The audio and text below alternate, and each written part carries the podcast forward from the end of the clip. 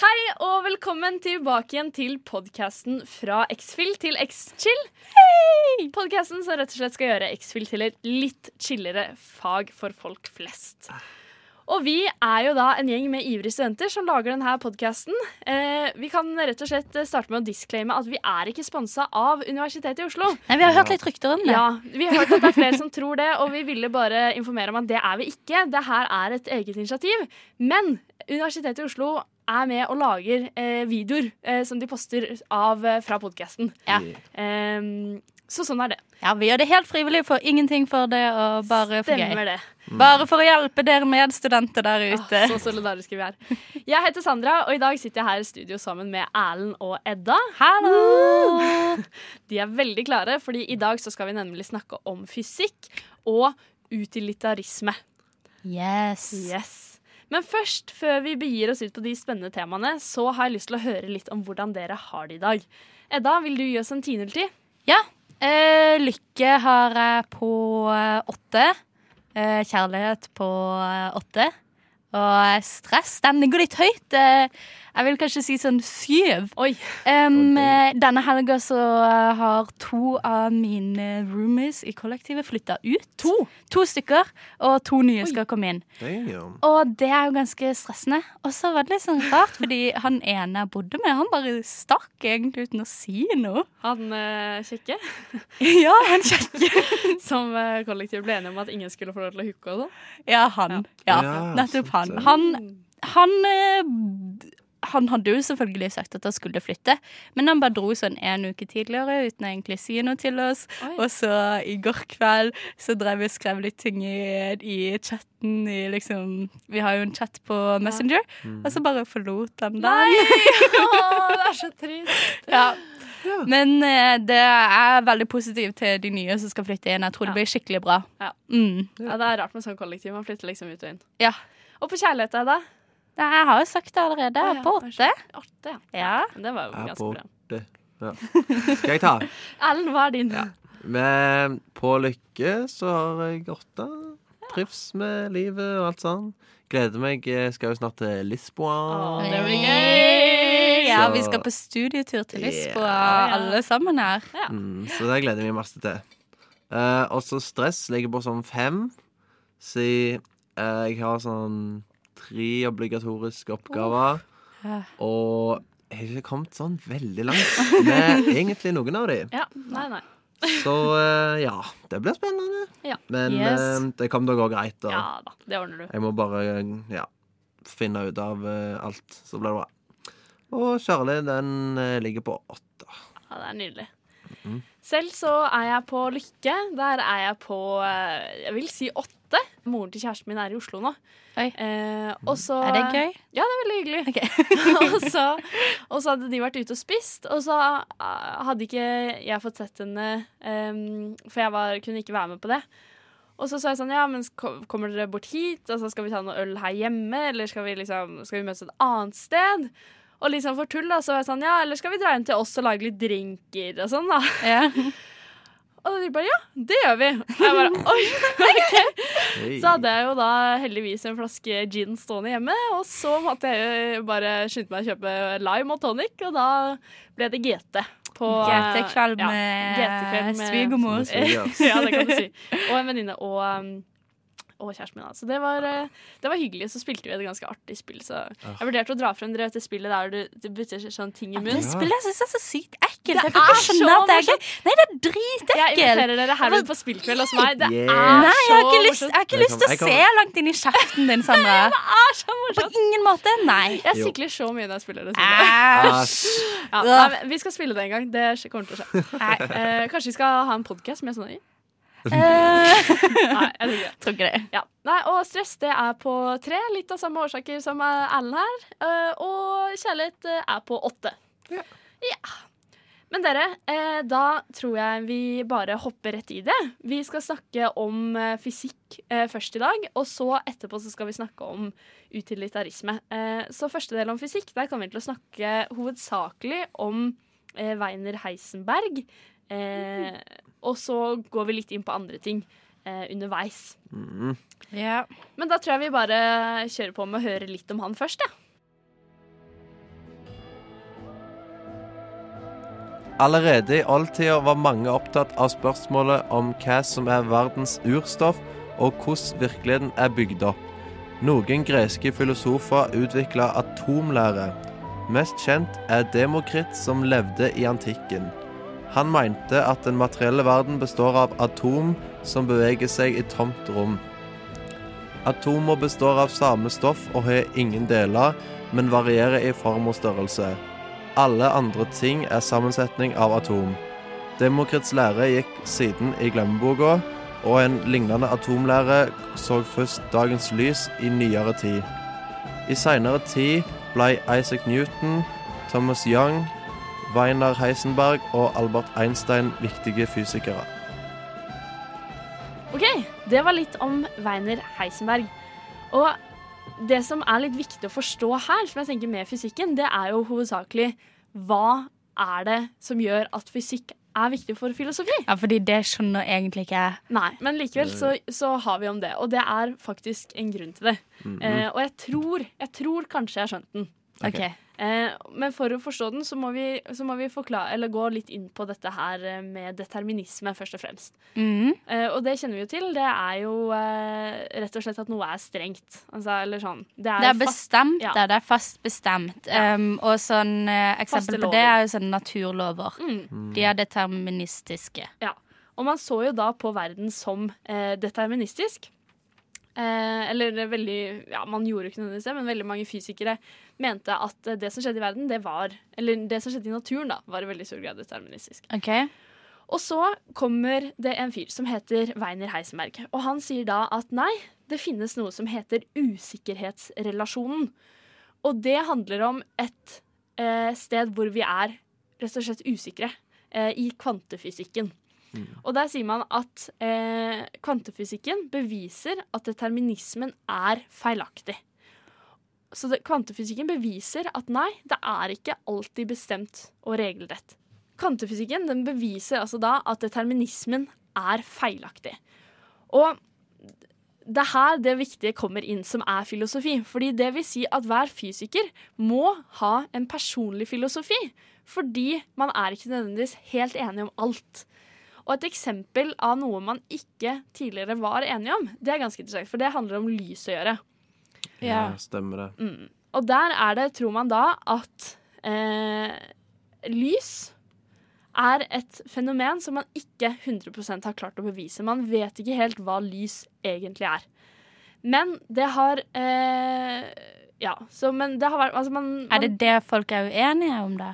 Ja, om man- lys er en eksisterende ting eller ikke? Nei, det de er uenige om, det er hva lys er.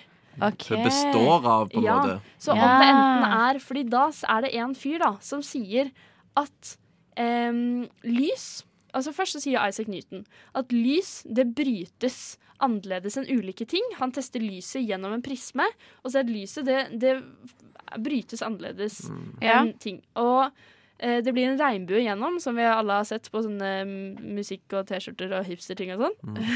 Eh, så Newtons teori er da at siden han kunne se fargene, så måtte lyset være partikler. Altså noe man kan se. ja.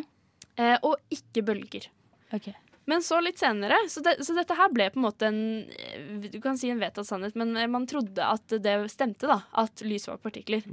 Men det gikk ikke alltid helt opp i alle disse mattestykkene og sånn. Så da gjorde Thomas Young en lysspalteeksperiment, hvor han da testa og kjørte lyset gjennom eh, på en måte tynne striper. Tynne hull i veggen, kan du si.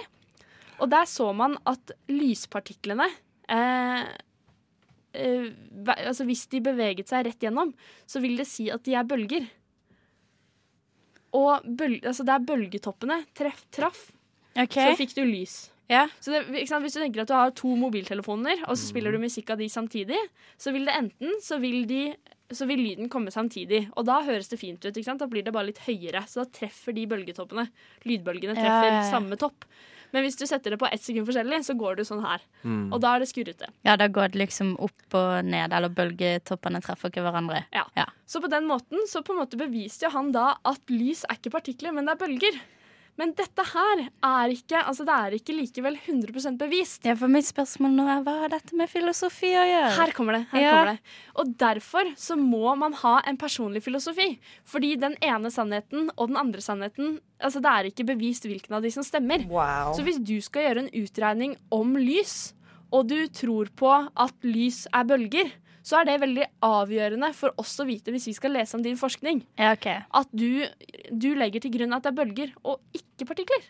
Mhm. Så dette her med personlig filosofi i fysikken er ganske viktig. Dette lyseksempelet er jo litt interessant, for det går jo enda mer videre, for da ble man jo interessert hva er egentlig det her? Og Heisenberg eh, og Einstein for eksempel, de var veldig uenige om dette. Mhm. Og så kommer jo Einstein da og prøver å ta en laser, eller et sterkt lys, gjennom en kule. Og dette blir helt mindblown, det som kommer nå. For da ser man at lyset i midten av skyggen er det aller lyseste punktet på kula, på en måte. Altså det, det blir sånn lys på kula som er i en skygge, og bla, bla. Og det han da, uten at noen egentlig forstår dette her eksempelet, så, så viser han da at lys er både bølger og partikler. For mitt spørsmål, Sandra Ikke spør om hvordan Nei, nei, nei. Takk. Det skal noe helt annet. Ja. Leste du de der, de der med liten skrift i boka, der hvor de forklarte eksemplene? Leser alltid Du det med lite skrift. Ja, men herlig, det var Når, du, så når jeg skriver under en kontrakt, leser jeg alltid Nei, men, å, det, men det der er For de delte jo opp så var sånn Hvis du vil vite mer om dette, les dette her. Du bare ah, Ah, nei, Du vet, du vet der, når du går på et skjema, du vet der hvor det står 'terms and conditions'? Ja. I read that. Nei, på ekte. Nei, nei. Jeg det. Jeg gjør aldri det. Jeg har dysleksi, jeg kan ikke lese Ja, er sant. Huff og huff. Så hovedsakelig så er det jo på en måte det her det handler om, da. Den er fysikken. Ja. Ja. Eh, så den teksten vi har på pensum, det er jo da Weiner Heinsenbergs eh, tekst. Og den går jo da hovedsakelig gjennom dette her med kvantefysikken og usikkerhetsrelasjonen. Eh, ja.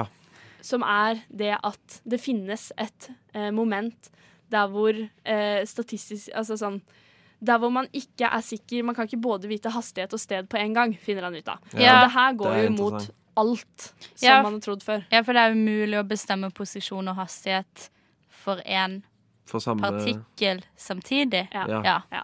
For det, og, og det som da er viktig å huske på, er jo at dette her er, som du sier, da, på mikronivå. Okay. På partikkelnivå. Eh, fordi Ja, så det, det, kvantefysikken foregår jo da på partikkelnivå. mm. Ja, fordi det er jo også en hel sånn greie med hvordan de kom fram til partikler og atomer, og hva de har gått fra, og at de har gått mer og mer inn i Ja, for det har jo med at når du kommer helt ned på sånn atomnivå, så er det noen faktorer som er tilfeldige, sant? Mm. Så du ikke kan regne deg på, for det er bare sånn Ja, de er liksom Men er, er, ikke, uforutsigbare, rett og er ikke det litt uenighet med, om det også? Ja, eller det er jo der på en måte Einstein sier jo da at Er Gud det kaster ikke terning. Ja. Uh, ikke sant? At det er her, du, når du slår en terning, så er det en sjettedels sannsynlighet for at du får sex. Men du vet aldri når den sekseren inntreffer.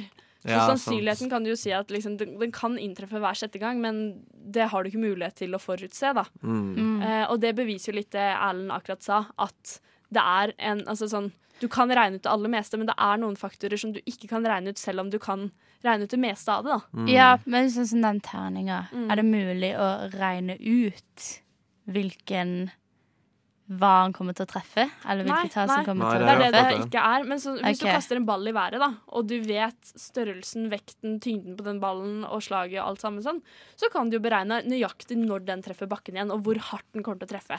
Ja. Vi kan jo f.eks. beregne hvor, altså, hvor tung er mobiltelefonen min når den ligger bak i bilen. Jeg bråbremser 60 60 km i timen, og den treffer meg i hodet. Det kan vi beregne ut. Hvor, Mm. hva vi, altså, hvor tung er den telefonen da. Ja. Fordi vi vet alle faktorene. Men når det gjelder en terning, så er det jo en sannsynlighetsfaktor, men den er den er tilfeldig, da, på det mikronivået at okay. Ja. Det ble bare sannsynlighet, liksom. Det ble Ja. jo Ja, okay. Ja. Så du kan, du kan jo beregne en veldig god sannsynlighet, men du kan ikke få akkurat når du får den sekseren. mm. Ja. Ellers hadde jo ikke yatzy vært noe gøy. Nei, det hadde jo kanskje ikke det. I hvert fall ikke sånn fysiker og sånn. gøy, da. Ja, det, det er kanskje der, det. der stiller dere det vel. Er yatzy gøy? Er yatzy gøy? Ja, Ja. Nei, så jeg tror eh, for å forstå denne fysikken som er litt sånn komplisert, så må vi bare tenke at dette her er et veldig godt eksempel på hvorfor personlig filosofi er viktig, og at selv i fysikken hvor alt eh, tilsynelatende er determinert, så er det kanskje eh, ting som vi må legge til grunn og ikke legge til grunn også, da. Ja. Mm. Du må snakke om eh, empiri.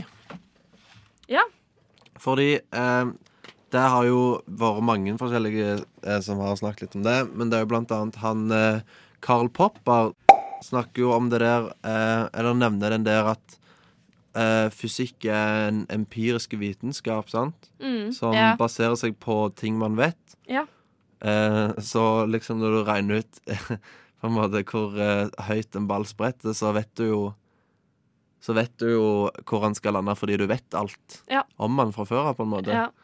Um, og så da uh, er det jo dette her eksempelet da med den der 'alle svaner er hvite'. Mm. Det syns jeg er interessant. Kan du fordi- forklare det? Ja, fordi det går ut på um, at uh, hvis du observerer bare hvite svaner, da, så yeah. Mm. Så, så tenker du jo OK, nå har jeg observert 10 000 svaner, for eksempel. Mm. Alle har vært hvite. Ja, for du har gått hele livet ditt, og du har bare sett hvite svaner, da. Mm. Mm. Da har du jo på en måte empirisk grunnlag Mm. til å trekke en konklusjon.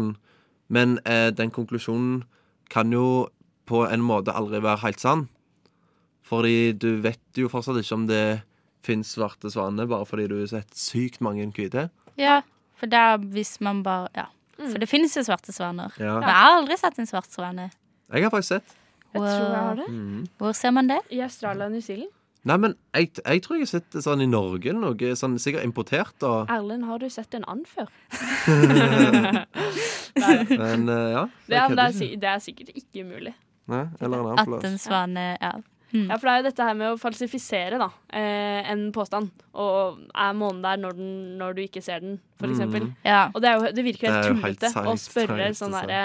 Ja, når, når, du, når, månen, når du ikke kan se månen, sanse månen, det blir jo litt sånn som Hvem andre var det som skulle sanse? Det var Hume. Hume skulle sanse. Hume, skulle sanse. Men er ikke det litt sånn den derre Schrødingers katt? eh, Spørsmålet. Det har lurt meg hele livet. Jeg har alltid trodd at det heter Schrødinger skatt. Schrødingers skatt. Eh, Skatt? Ja, at Schrødinger hadde Du- en skatt. Nei, Sandra. Men så er det jo Schrødinger husker du ikke det der programmet som gikk på NRK? Jo, Der var trodde- det jo en katt oppi en boks, Ja, som katt jeg som gikk rundt. Jeg trodde at det var en skatt. At det var Schrødingers skatt. At katten var Schrødingers skatt. Men det handler jo om at det er en katt oppi en boks Ja. sammen med En sånn farlig greie, og når den eh, farlige greia knuser Så vil katten dø. Eh, men greia er at eh, når vi da lukker den boksen, Mm. så vil vi jo egentlig ikke vite om katten lever eller er død. Mm.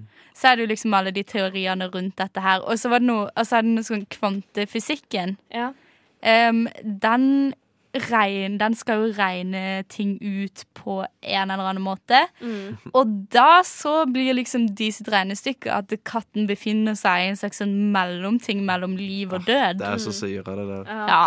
Bak. Men, men det er jo det som er rart, da. For liksom fysikk er jo på en måte en vitenskap som skal forklare hvordan verden ser ut. Mm. Og så kommer de med noe så teit som det. Men sant, for det er jo ingenting som kan være i en mellomstadie. Sant? Nei, men det er vel litt den beregningen altså sånn Hvis du skulle regna på noe, da.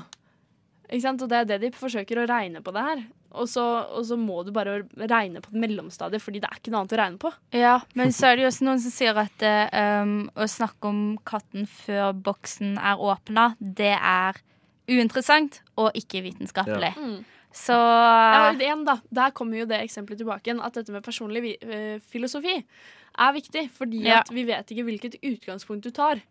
Og, og, det som da vi må legge til grunn her, er jo det at mennesker med ulik personlig filosofi kan gjerne snakke sammen, men man må være enig om de forskjellene man har. Og det er kanskje litt det som er det viktige her. At jeg, jeg kan godt lese din forskning selv om vi er uenige, men da må vi være enige om at vi er uenige om grunnlaget, da. Ja. Er det noe mer dere vil legge til på fysikk? Nei. Nei eh, La oss komme oss videre. Eneste, eneste var jo han eh, En liten oppfordring fra han foreleseren, da, var jo bare det der å at alle, alle fag har en filosofisk oppfatning Ja. og eh, en måte å gjøre ting på, og det er ikke nødvendigvis at det er riktig og sånn. Så Nei. det var dagens eh, visdomsord. Dagens visdomsord fra Erlend, sitert fra foreleser. Det var Det er helt ikke nødvendig at det er riktig og sånt. Nei. Ja. Men dere, da går vi over på utilritalisme. Utilitarisme. Utilitarisme. Utilitarisme er en etisk teori som hevder at en handling er moralsk riktig bare og bare hvis den maksimerer nytte. Utilitarisme er en av de tre ledende teoriene innen normativ etikk. Likhets med dy- dydsetikk er den en formålsrettet etikk. Utilitarismen kan også beskrives som en konsekvensetikk, siden det er konsekvensene av handlingene som avgjør om handlingen er moralsk riktig. OK, dere. Da skal vi snakke om det veldig vanskelige ordet utilitarisme. Ja. Det som jeg sa. Utidlig. ja. Ja, utidlig er det samme som seint. Ja. Utidlig. Utilitarisme. Og så er det bare én R i ordet. Utilitarisme. Ja. Og det vi skal eh, snakke Ja. om i dag, det er eh, ikke Peter Smart, men JCC Smart. Eh, sin tekst 'Riss av et system for utilitaristisk etikk'. Ja. Og han, eh, ikke Peter Smart, men JCC Smart, han snakker jo da om klassisk utilitarisme. Altså, Det finnes flere former. Han snakker om den mest basice, og det er jo litt greit at det er den vi får i dag. Det er jo veldig fint. Men dere, hva er egentlig utilitarisme? Kan dere forklare det? Det er jo en teori som går ut på at det handlingsalternativet som er rett, er det som leder til best konsekvenser. Mm, Så bedre konsekvenser enn de andre alternativene. Ja, ja Rett og slett. Mm. Så det er jo ikke så avansert, da, sånn egentlig. Man skal bare gjøre det som leder til best konsekvenser. Men det er jo Den påstanden har jo helt sykt mye innhold òg. Ja. Ja. Fordi det Ja, da handler det jo om hva som er de beste konsekvensene, Mm. og hvordan, du, hvordan skal du måle sånn, Hvordan måler du det, liksom? Ja, for vi kan jo begynne å snakke om dette med riktige og gale handlinger. mm, Altså Ganske enkelt så handler det jo om da å gjøre den riktige handlingen. Ja, Eh. og det er jo den riktige konsekvensen, men man, i sånn etikk så deler man det jo gjerne opp i på en måte hva man ser på. Ser man på aktøren, handlinga eller konsekvensen. Og dette her, her er det konsekvensen som er det, rikt, det viktige. Det har ikke noe å si hvilken aktør du er, det har ikke noe å si om du mener godt eller galt, egentlig. mm. Nei, For utilitarisme det kan jo faktisk også eh, forklares som konsekvens... Eh, konsekvensetikk, Ja. er det det? Ja. Ja. Fordi man rett og slett fokuserer på hva er konsekvensen av det du gjør. Mm. Så det er ikke så farlig egentlig hva du gjør, så lenge konsekvensen av det er den beste. Ja. Mm. Og tilsynelatende så syns jeg det høres ganske greit ut. Ganske enkelt å leve en, med en sånn livsstil, liksom. Mhm. Ja. Men det, vi, er- vi, vi skal ta et eksempel etterpå, så ser vi litt hvordan, hvordan Ja, det- det egentlig går. Uff.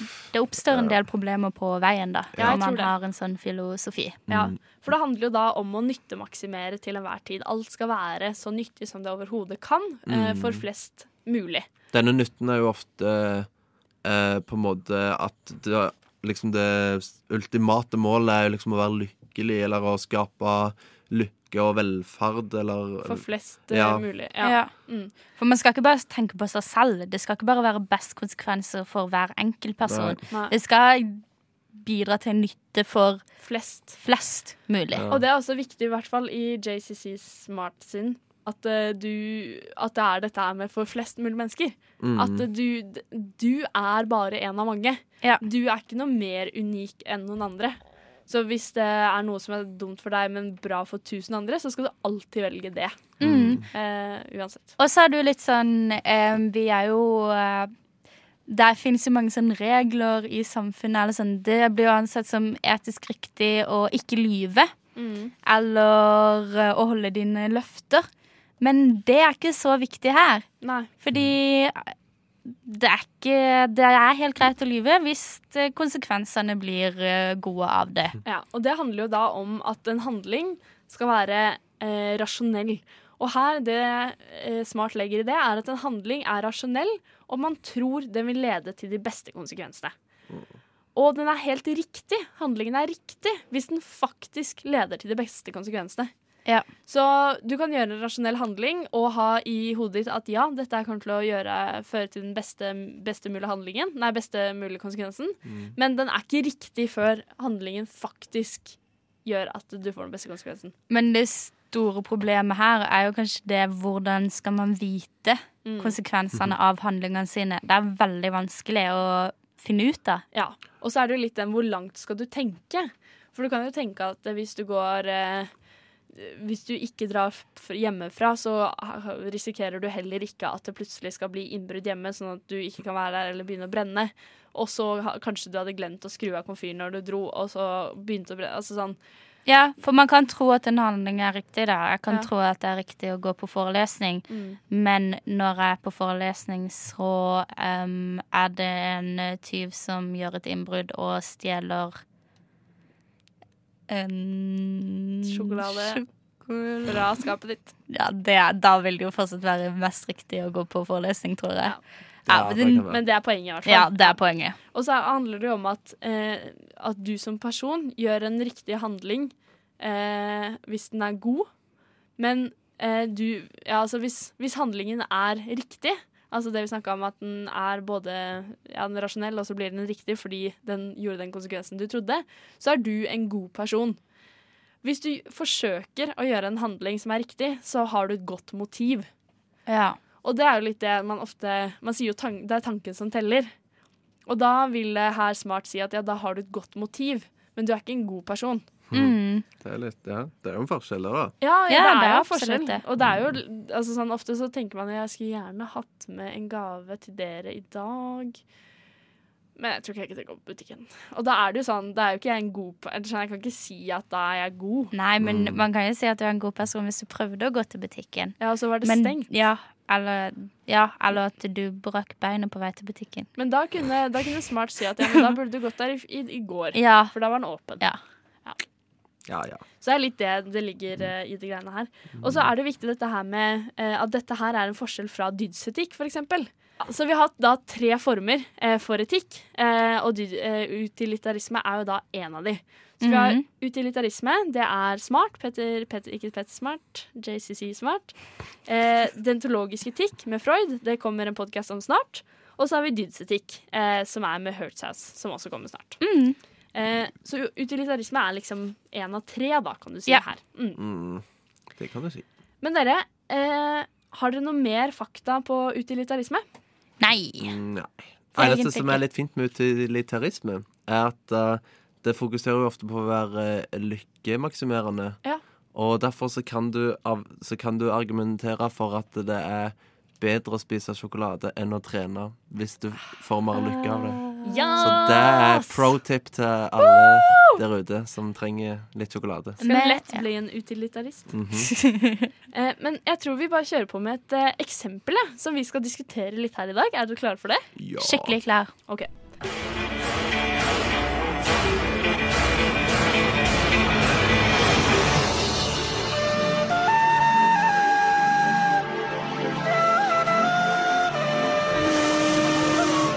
Var en gang en TV-serie på TV2 som heter Kjendisfarmen.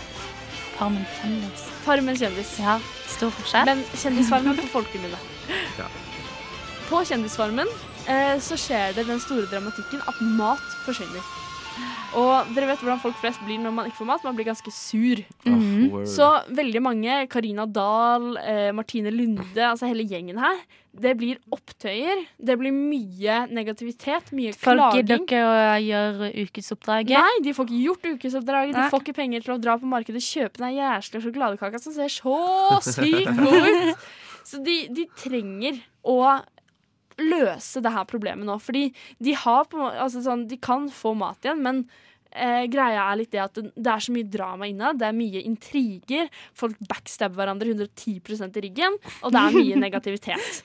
Mm. Og eh, vår eh, storbonde Erik, han trenger å løse det her problemet. Han er ansvarlig for å løse dette problemet. Ja. Så han tenker OK, jeg vet ikke hvem som har stjålet denne maten. For alt vi vet, så er det TV-produksjonen. Altså sånn, vi, kan, vi kan ikke vite hvem som har stjålet denne maten. Eh, jeg kan prøve å finne ut av det. Eh, det vil ta ganske lang tid. Eh, og innen den tid så har vi mista vår sjanse til å klare ut ukesoppdraget. Mm. Men en annen ting han kan gjøre, det er å eh, finne en syndebukk. Sånn at man på en måte kan skape en felles fiende for alle. Mm. Og så vil man klare å lage det samholdet igjen som gjør at de kanskje kan klare å gjøre ferdig ukesoppdraget. Ja. Så det Erik velger å gjøre da, er at han velger eh, eh, å frame Charter-Svein for å ha stjålet og spist maten eh, for å roe de andre ned. Mm. Ja. Er hans handling riktig? Den er jo i hvert fall utilitaristisk. Hvorfor er den det? Um, fordi den er Det vil jo da være nyttemaksimerende for eh, de fleste av folkene. Det eneste det er dumt for, er eh, Charter-Svein, som får det litt kjipt. Ja. Men uh, hvis de andre da har funnet en syndebukk, de har funnet en de kan legge skylda på, og så blir det fin orden igjen på gården, og alle er glade, og de får gå på markedet, kjøpe mat, så vil jo dette her da være en bra ting for de fleste folkene. Men er ikke det feil av Erik å skulle frame en person som han vet at sannsynligvis ikke har gjort det? Jo, for det er jo der problemet ligger. Ja. Det er jo en jævlig kjip ting å gjøre. Det er jo det. Det er skikkelig urettferdig. Ja. Ja, det er jo akkurat det. Men, altså, kjært til Svein, som er en sånn fin fyr. Ja, han er så koselig. Men det er litt sånn Ja, det er jo litt sånn eh, rart, fordi her vil jo iallfall jeg tenkt veldig sånn situasjonelt. At Mm. på grunn av denne situasjonen her, så ville jeg tenkt at At det ikke er liksom riktig Mm. og i hermetegn og og, og, og frame han. Mm. Men ja. Det er jo på en måte det som er maksimerende, da. ja. Utilitaristisk. Ja, det er jo altså sånn eh, Fordi vi skal jo tenke på mest nytte for flest. Mhm. Og vi skal tenke på eh, altså det er enkel, simpel lykke. Det er ikke liksom som Aristoteles tenker på lykke som ganske avansert og mye greier. Det her er det enkel lykke. Ja. Eh, og det gjør jo at de fleste blir kanskje glad igjen, eller sånn Man i hvert fall klarer å slå seg til ro da med at man har Ja. hvem som er ansvarlig. Og så er det sånn um, Kanskje hvis Erik hadde valgt å gjøre det riktige, da, så hadde han fått mye ros for det. Men uh, han Mr. Smart han var veldig opptatt av at det er en stor forskjell på lykke og ros. Mm. Eh, så OK, greit. Han eh, får uh, Han gjør det riktige i hermetegn. Mm. Det som føles kanskje bra, og det mange tenker at det er det man burde gjøre, og man får ros for det. Mm. Men hva slags lykke kom ut av det, da? Ja. Nei, si det. Det er jo interessant, for man tenker jo på ros som noe veldig positivt. Ja. Noe som man har lyst til å få. Ofte så gjør man jo enkelte handlinger bare fordi man har lyst på den rosen. Det er jo veldig vanskelig å se eh, hva som hadde skjedd på en måte på grunnlag av den vurderingen i et langt perspektiv. Ja. Mm. Så det er jo òg eh. Tenk hvis de kommer ut av Farmen her- ja. og så lager ja, Chartersveien sånn at alle deres liv blir et levende helvete. Ja, så Ja, kan det hende at han fikk veldig dårlig selvfølelse. Han ble veldig lei seg og syntes han ble urettferdig behandla. Ble kanskje sur, da, som Erlend sier, at han har lyst på hevn, kanskje. Ja, og, Og- da så bare ødelegger han ryktet til alle kjendisene, så de får ingen flere jobber, og alle begynner å hate de. De mister alle følgerne sine på Instagram og alt sånn. Ouch. Mm. Ja. Så det Ja, så, men man skal jo tenke på konsekvenser her, da. Men der er- kommer jo det tilbake til det spørsmålet hvor langt skal du tenke Mm. konsekvenser? Ja. For det er jo litt begrensa hvor langt frem i tid du eventuelt skal tenke, da. Så det er ikke så lett som eh, vi snakka om at det var i begynnelsen. Det er ikke nødvendigvis så fryktelig lett. Nei. Men dere, jeg tror vi runder av der. Eh, da har vi vært eh, en smakebit innom hvert hvorfor fysikken, eh, også filosofi, er viktig å, å forstå. Eh, for å forstå at det finnes ulikheter. Og så har vi snakka om utilitarismen og hva, kort hva det er, og litt om hvordan man handler utilitaristisk med et veldig spennende eksempel fra Kjendisfarmen. Som kunne vært ganske reelt, spør du meg. Ja. Dere, da tror jeg vi rett og slett bare kan takke for oss. Håper at dere som lytter har blitt litt mindre forvirra og litt mer X-chilla. Neste gang så skal vi snakke om dentologi. Det blir gøy! Ja, det, sier- det sier du hver gang. Det, det blir gøy. Ja, men jeg har alltid troa på at det blir skikkelig Ja, det blir nok veldig bra. Det er. Ha det bra. Ha det det fint.